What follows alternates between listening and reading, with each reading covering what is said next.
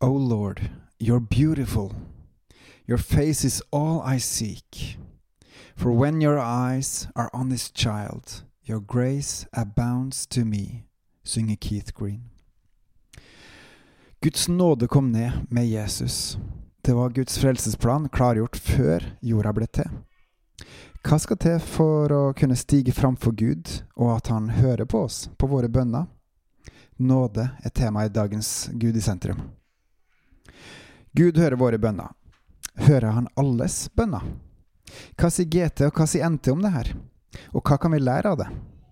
Jeg tror vi, hans folk, har mye uoppgjorte synder mot Gud og medmennesker som hindrer våre bønner i å nå fram til Han. I ordspråkene 28.9 står det Når noen vender øret bort og ikke vil høre på rettledninga, da er selv hans bønn en styggedom. Også Hosea snakker en del om det her, og legger ut litt bredere hvordan folks synder holder vekke folk fra Gud. I Jobb 35 så poengteres også det her indirekte. For sjøl om det er Elihu som sier det, så er det her universelle sannheter. Hva gjør det Gud om du synder? Alle dine brott, hva skader de han? Og hva gir du han om du er rettferdig? Hva kan han motta fra det? Din ondskap rammer dine medmennesker, bare menneskebarn har gagn av din rettferd. Dette viser oss at Gud ikke påvirkes av hva vi gjør, men det påvirker våre medmennesker. Og fordi Han har skapt oss og elsker oss, er Han likevel opptatt av at vi skal ta oss av hverandre. GT snakket om farløse, enker, fremmede og andre utstøtte. Elsk hverandre, og da alle de som tilhører og vil tilhøre israelsfolket. Og selvfølgelig, vi kan kun elske hverandre hvis vi elsker etter Guds standard, det som Gud sier er sant. Av det lille her fra GT ser vi at Gud sier at å tro på Han, det er å følge Han. Det er ikke likegyldig hva vi gjør, våre gjerninger påvirker om Han hører våre bønner. Å elske er å følge Han.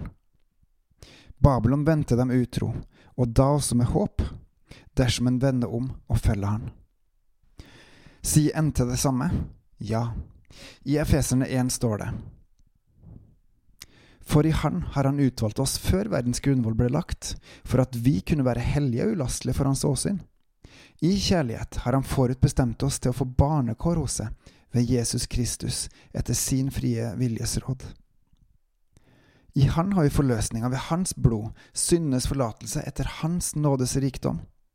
Og hva er målet? Jo, å samle alt til ett i Kristus, både det som er i himmelen, og det som er på jorda. Gud, han elska oss før verden ble til, og måten han her gjorde det tilgjengelig for oss, er at vi blir tilgitt ved Jesu blod, og da blir ett i Kristus. Så på grunn av det her så kan vi stige framfor Guds åsyn, sjøl om vi ikke fortjener det, og ikke fordi vi er rettferdige, men fordi Gud velger å tilgi oss gjennom Jesus. Dette er det første og viktigste biten Guds nåde. At vi får Guds nåde når vi kommer til tru.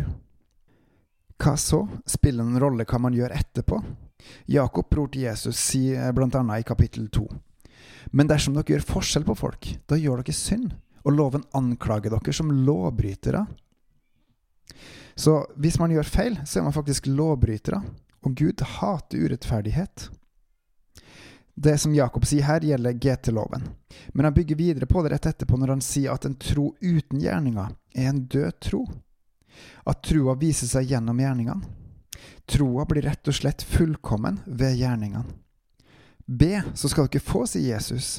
Samtidig går det an å be uten å få, sier Jakob i kapittel fire.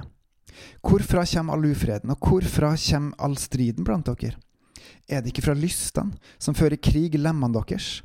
Dere begjærer, men har ikke. Dere slår i hjel og misunner og kan ikke få. Dere ligger i strid og ufred. Dere har ikke, for dere ikke ber. Dere ber og får ikke, fordi dere ber ille, for å sløse bort i deres lyster. Troløse som dere er, vet dere ikke at vennskap med verden er fiendskap mot Gud? Den som vil være verdens venn, blir Guds fiende. Eller mener dere at det er tomme ord når Skrifta sier med nidkjærhet trakter han etter den ånd han lot bo i oss? Det går an å be feil, etter egne lyster. Videre så står det heldigvis. Men desto større er nåden han gir. Derfor sier Skrifta, Gud står de stolte imot, men de ydmyke gir han nåde. Vær derfor Gud undergitt, men stå djevelen imot, så han skal fly fra dere. Hold dere nær til Gud, så skal han holde seg nær til dere. Gjør hendene reine, dere syndere, og rens hjertene, dere tvesinna. Ydmyk dere for Herren, så skal han opphøye dere. Deretter, og foran, står det lista opp hva vi ikke skal gjøre, og hva vi skal gjøre. Oppskrifta på gode gjerninger, hva det er og hva det ikke er, finner vi altså i Bibelen. Hvor viktig er det ikke å mate seg jevnlig kontinuerlig med Guds ord? Og i Jakob 5 står det et rettferdig menneskes bønn har stor kraft og virkning. Ønsker du å be til Guds vilje? Ønsker du å se Hans rike vekst? Ønsker du å se folk komme til tru? Ønsker du å vokse med Gud?